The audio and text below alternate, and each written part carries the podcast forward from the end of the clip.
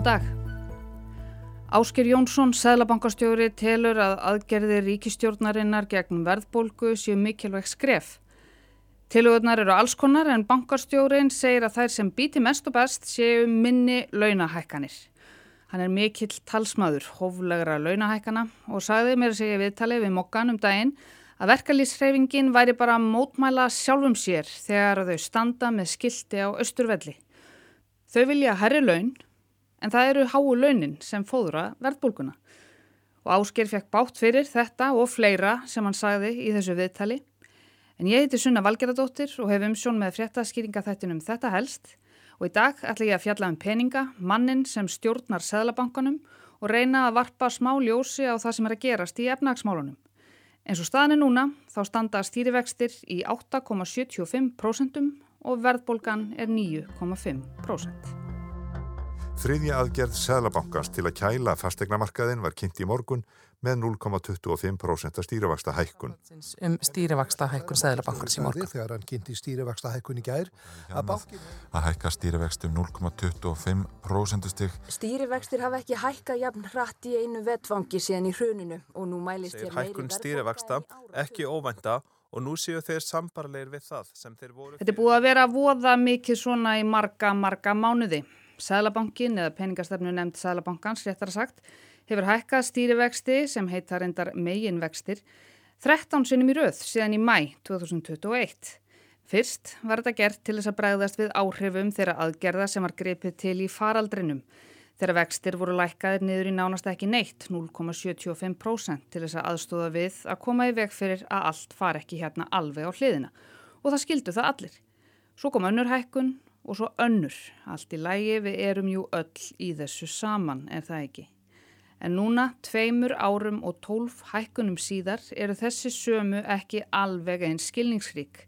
Við virðumst ekki lengur vera í þessu saman. Sturlun, segir formaður starfskreina sambandsins um 13. stýrivaksta hækkun Seðlabankans í rauð í 8,25%. Þingmenn bröðust hart við stýrivaksta hækkun Stýrivaksta hækkun dagsins kom fáum á óvart enda kjarklaus og verkstóla ríkistjórn. Verbolga og stýrivaksta hækkanir. Sæðlabankin að senda þegar hann hækkar vexti því skil. Verbolga og það stýrivaksta hækkanir sem nú ganga yfir verða. Lægri verbolgu, lægri vexti og við haldið þá. Stýrivaksta, hriðverka hækkanir Í mínum huga eru viðbröðum mín bara störlum. Sælabankastjóri hefur hlotið gaggrinni fyrir raukstuðning ákvarðunar um stýrivakstahækun í gær og trúverðuleiki hans er sagður hafa beðin ekki. Ein af skýringum Sælabankastjóra var að nýgerðir kjærasamningar fælu í sig... Við erum að horfa bara upp á það að frá því að við undirritum kjærasamninga á einum almenna vinnumarka í 3. desember þá hefur Sæðlabankin hækka stýrifæstu 3%. Vilhjálmi segist ekki eiga svar við þeirri vegferð sem Sæðlabankin sjá gagvart íslenskum heimilum og launafólki. Það er búið að sópa öllum ávinningi kjærasamningsins í burtu og miklu, miklu, miklu meira til. Í mínum huga eru viðbröðum mín bara störlum. Sæðlabankin getur hækkað eða lækkað vexti til þess að bregðast við aðstæðum í samfélaginu sem hafa áhrif á verðbólku. Markmiðið er að við halda stöðugu verðlægi, lítilli og stöðugri verðbólgu og í kringum 2,5% verð hækkunum á ári. Eftir því sem vextir eru herri, þeim mun herra verð þurfum við að greiða fyrir vörur. En af hverju? Jú, fólk og fyrirtæki geima pening og taka lán hjá fjármálafyrirtækjum, aðlega böngum og sparisjóðum. Þessar upplýsingar eru teknar af vefsíðu Sæðlabankans. Þar er nefnilega að finna svona spurningar og svör fyrir fólk sem skilur kannski ekki alveg allt og það eru alveg einhverjir sem skilja kannski ekki alveg allt. Og eins og nú er vonandi orði skýrt þá hefur Sæðlabankin eiginlega bara eitt verkfæri til þess að stjórna verðbólgunni eða bregðast viðni og það eru stýrivextinir, hækka þá eða lækka þá. Og þeir hafa nú verið hækkaðir 13 sinnum í rauð. Og oft hefur stjórin þar, Ásker Jónsson, sagt eitthvað yfirleitt í viðtölum sem hefur vakið aðtekli. Um, um, ég ætla ekki að blóta hér, getur verið einhverju lögur á það sem verður að fylgjast mótsetningun en, en sko þetta er bara ansið mikið. Ásker Jónsson á 53 ára afmæli í dag 21. júni til hamingi með það. Tímasetning þáttarins er þó bara tilviljun, skemmtileg tilviljun, alveg eins og það var líka tilviljun að þátturum vinstri græn fór út á tíu ára formans afmæli Katrínar Jakobsdóttur. Einhverjir heldu að það hefði ekki verið tilviljun. En Ásker, afmælisbad dagsins, er doktor í hagfræði og hefur marga fjöruna sopið í þeim efnum. Hann var yfirmaður greiningardildar Kaupþings, hann var lektor, dósent og dildarfósiti hagfræði dildar Háskóla Íslands, efnahagsraðgjafi virðingar og gamma, formaður starfshópsum endurskoðun peningastefnu og sérfræðingur hjá hagfræðistofnun. Hann vann líka í den tíð með Guðmundi Jaka og tímum þjóðarsáttarinnar og það hefur greinlega haft áhrif á hann en meira um það síðar. Ásker hefur líka skrifað bók, eiguna hans Ingolfs og var reyndar sakaður um réttstuld þar. Bergsveit Birgisson, réttöfundur, sagði síðasta vetur að Ásker hefði stólið tilgátum og tólkunum úr bók sinni, leitinni að svarta vikingnum án þess að geta heimilda. Málið fór fyrir síðanemd Háskóla Íslands, Ásker þvert tók fyrir að hafa gert nokkuð misjamt, síðanemd hætti að skoða málið og Bergsveit var allt annað en sátur. En svo verðist sem málinu sé einhvern veginn lokið eða það er að minnsta kosti ofan í einhverju skúfu. Ásker er sonur Jóns Bjarnasonar, fyrverandi þingmanns og ráðara vinstri grætna og bróðir Bjarnar Jónssonar, þingmanns flokksins fyrir norðvestur kjördæmi. Ásker hefur verið selabankastjóri nú í þrjú ár en það var í júli 2019 sem tilkynnt var að hann myndi taka við taumunum af Má Guðmundssoni. Már er bróðir Magnúsar Tuma Guðmundssonar jarðfræðing, svona fyrst við erum inni á Íslandingabók og Már var einmitt í viðtali í vísbendingu í vikunni þar sem hann leiti yfir farin veg og Þórður Snæri Júliusson, reittstjóri og bladamadur heimildarinnar skrifaði um viðtalið í bladið. Það voru ekki alltaf rólegheit í kringum Má Guðmundsson á meðan hann var sælabankastjóri, skrifar Þórður. Hann var umdeldur í starfi og um tíma leitt út fyrir að hann myndi ekki verða endurskipaður árið 2014 þegar hann hafi setið í fimm ár. Og haftir eftir Má í viðtalinu Einn af þeim sem starfaði fyrir alþjóða gjaldirisjóðin að málefnum Íslands sagði í samtölum þegar þetta var að honum þætti það ansi merkilegt að lítið land með heimsklassa selabankastjóra væri að hugsa um að skipta honum út. Fyrirsögn heimildarinnar á fréttinni er einmitt merkilegt að ætla að skipta út heimsklassa selabankastjóra innan gæsalappa sem sé bein tilvittnun hann í má. En nógum það. Áskir. Hann er mikill útvistamæður og byrtir gjarnan myndir af sér á netinu þar sem hann er að klífa fjöll eða hjóla eða eitthvað þannig. Og ég er að minnast á myndbyrtingar Sæðlabankarstjórans vegna þess að það sem hann er líklega hvað frægastur fyrir einn sorglegt og það er, það voru það þessi hérna umæli. Þeir voru allir að taka myndir af þarna sko tánum á sér á tenni eða eitthvað sko, í solbæði sko. Þetta var 5. oktober 2022 þegar peningastefnu nefnd hafi hækkað stýrivexti nýjunda skipti í rauð. Áskeir hjælt þar meira en hálftíma langa tölu ásand var að segla bankastjóra þar sem þau voru nú bara nokkuð bjart sín á að aðgerðir bankans myndu skila árangri. Sælabankastjóri segir að nú sé í höndum aðila vinnumarkaðarins og stjórnvalda tryggja að verðbólgan lækki enn frekar en aðgerðið Sælabankans hafi skilað árangri. Og við vonum að þetta veri síðasta vastuhækkum Sælabankans. Nú gefið bankin boltan á aðela vinnumarkaðarins og stjórnvöld um að taka þátt í hann á verðbólgunni freka niður og þau þurfu að standa þjóðinni skil. Með þar sem helst hefur í talsmönu verkalýsreifingarnar virðist þó ekki sem þar séu allir sammála áherslum Sælabankans. Í mínum huga eru viðbröðum mín bara störtlum. Sælabankin er búin á árangri, við erum búin að hækka veist. Áhrifin eru komið fram. Ætla aðrir að taka það boltan. Og mögulega, ef það gengur eftir, að þá kannski þurfum við ekki að beita vastatækinu mikið meira. En það er líka alveg, alveg skýrt að ef þetta gengur í aðra átt þá verður við að gera. Þarna fyrir nýju mánuðum síðan var Sæðlabankastjóri að ávarpa stjórnvöld, verkalýðsreifinguna, atvinnureikundur og samfélagið allt bara um að muna. Að gera það sem gera þarf þegar þarf að gera saman. Það er ekki nóg að tala um þetta. Við verðum að virða þetta. Og það er bara mjög mikilvægt og það er það sem við erum að leggja áherslu á, að fólk fari eftir þessu. Er, við erum ekkert að grínast með þetta. Og við erum allir í þessu saman einhvern veginn og við þurfum að vinna í þessu samheilega. Ásker hefur reynd að höfða til samstöðum áttar þjóðarinnar sem síndi sig svo vel þarna um árið muniði. Höldum okkur samt aðeins við 5. oktober í fyrra. Það er allir, allir búin að gleyma faraldurinn þannig á kóinu og öllu þessu ekki. En það var bara í februar sem faraldurinn gekk yfir eða þessi takmakkanir voru afnumdar og það er ekkert óvilt í ljósið þess að fólk var búin að sita heim hjá sér og spara pening í tvö ára eða kólika að þeim þessu pening gildi verið eitt um, og fyrir dörrsins og það skulle hafa komið svona kröktur uh, viðbröð í enganislu eins og við sjáum núna í sumar. Þeir voru allir að taka myndir af þarna sko tánum á sér á tenni eða kólika sko, í solbæði sko. En á saman tíma núna, minna að þetta er spartnaðs og uppsarnaður, núna er hann einhverju liti og eðun Og hvað gerir þú í vetur? Munið þeir munið halda áfram með það? Eða munið þau fara að draga saman seglinn? Við vitum það ekki. Aldrei hafa fleiri Íslendingar byrt jafnmargar óumbeðnar myndir af fótunum á sér í hinum og þessum aðstæðum. Auðvitað meinti áskil bara við ættum að slaka hans á í eðslunni.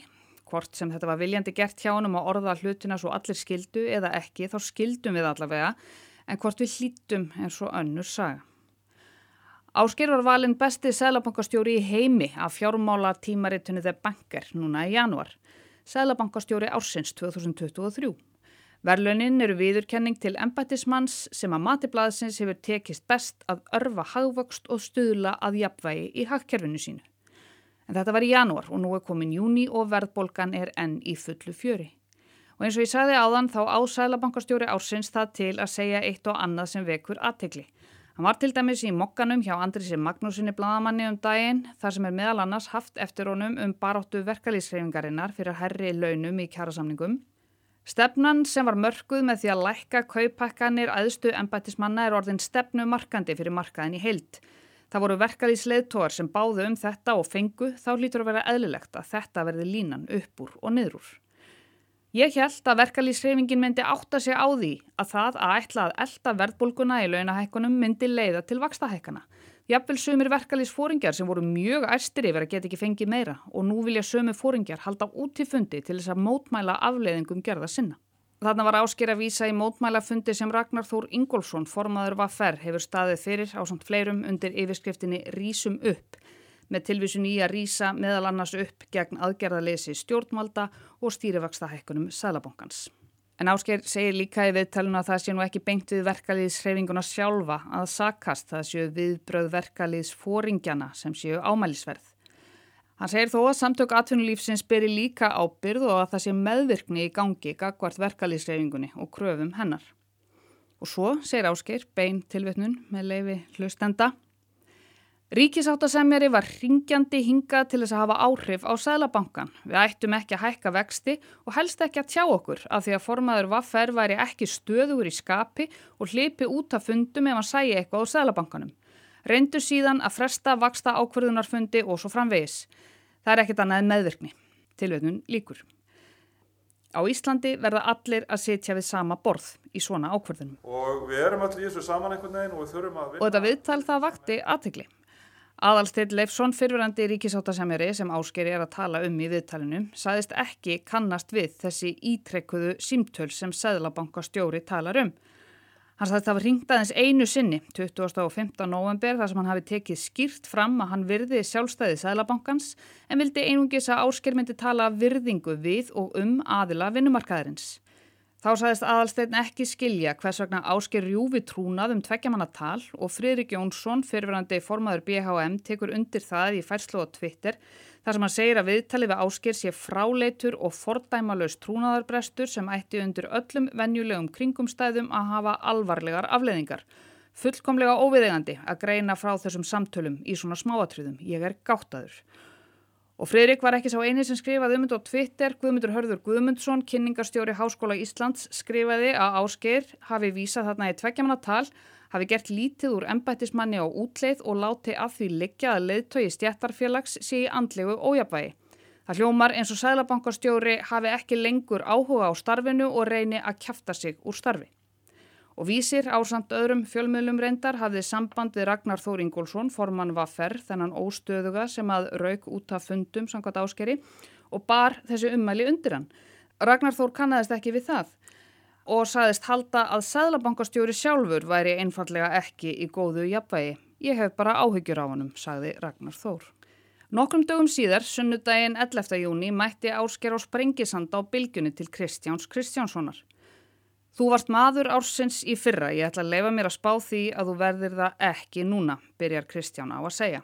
Ásker var nefnilega ekki bara selabankastjóri ársins, heldur var þann líka maður ársins á stöðu 2.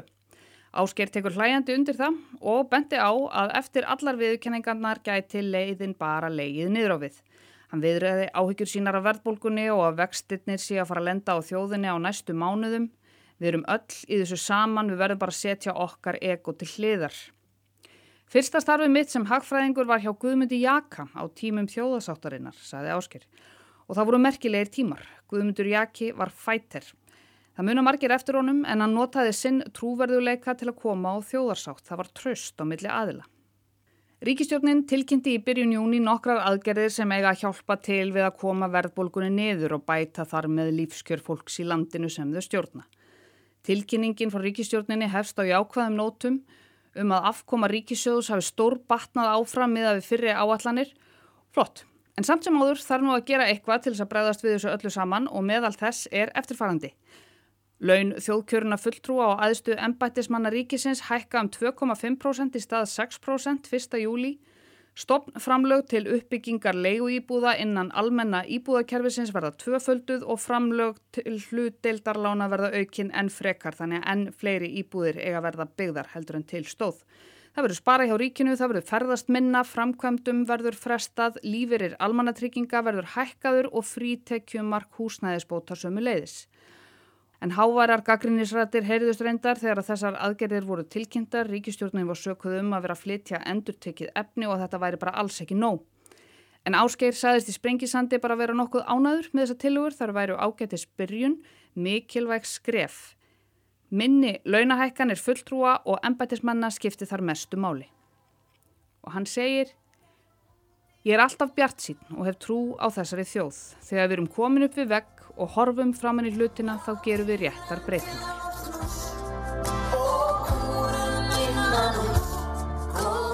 Ég heiti Sunna Valgeradóttir og samstæða, peningar og bankastjórar voru helst hjá mér í dag. Við sjáum svo bara til hvernig þetta allt saman fer, hvort Sælabankin hækki stýrivexti í 14. sinn í ágúst eða hvort tásumindir frá TN sprengi internetið áfram. Eða hvort við hlýðum og ferðums bara jafnvel innanlands eða í verstafalli innan hús.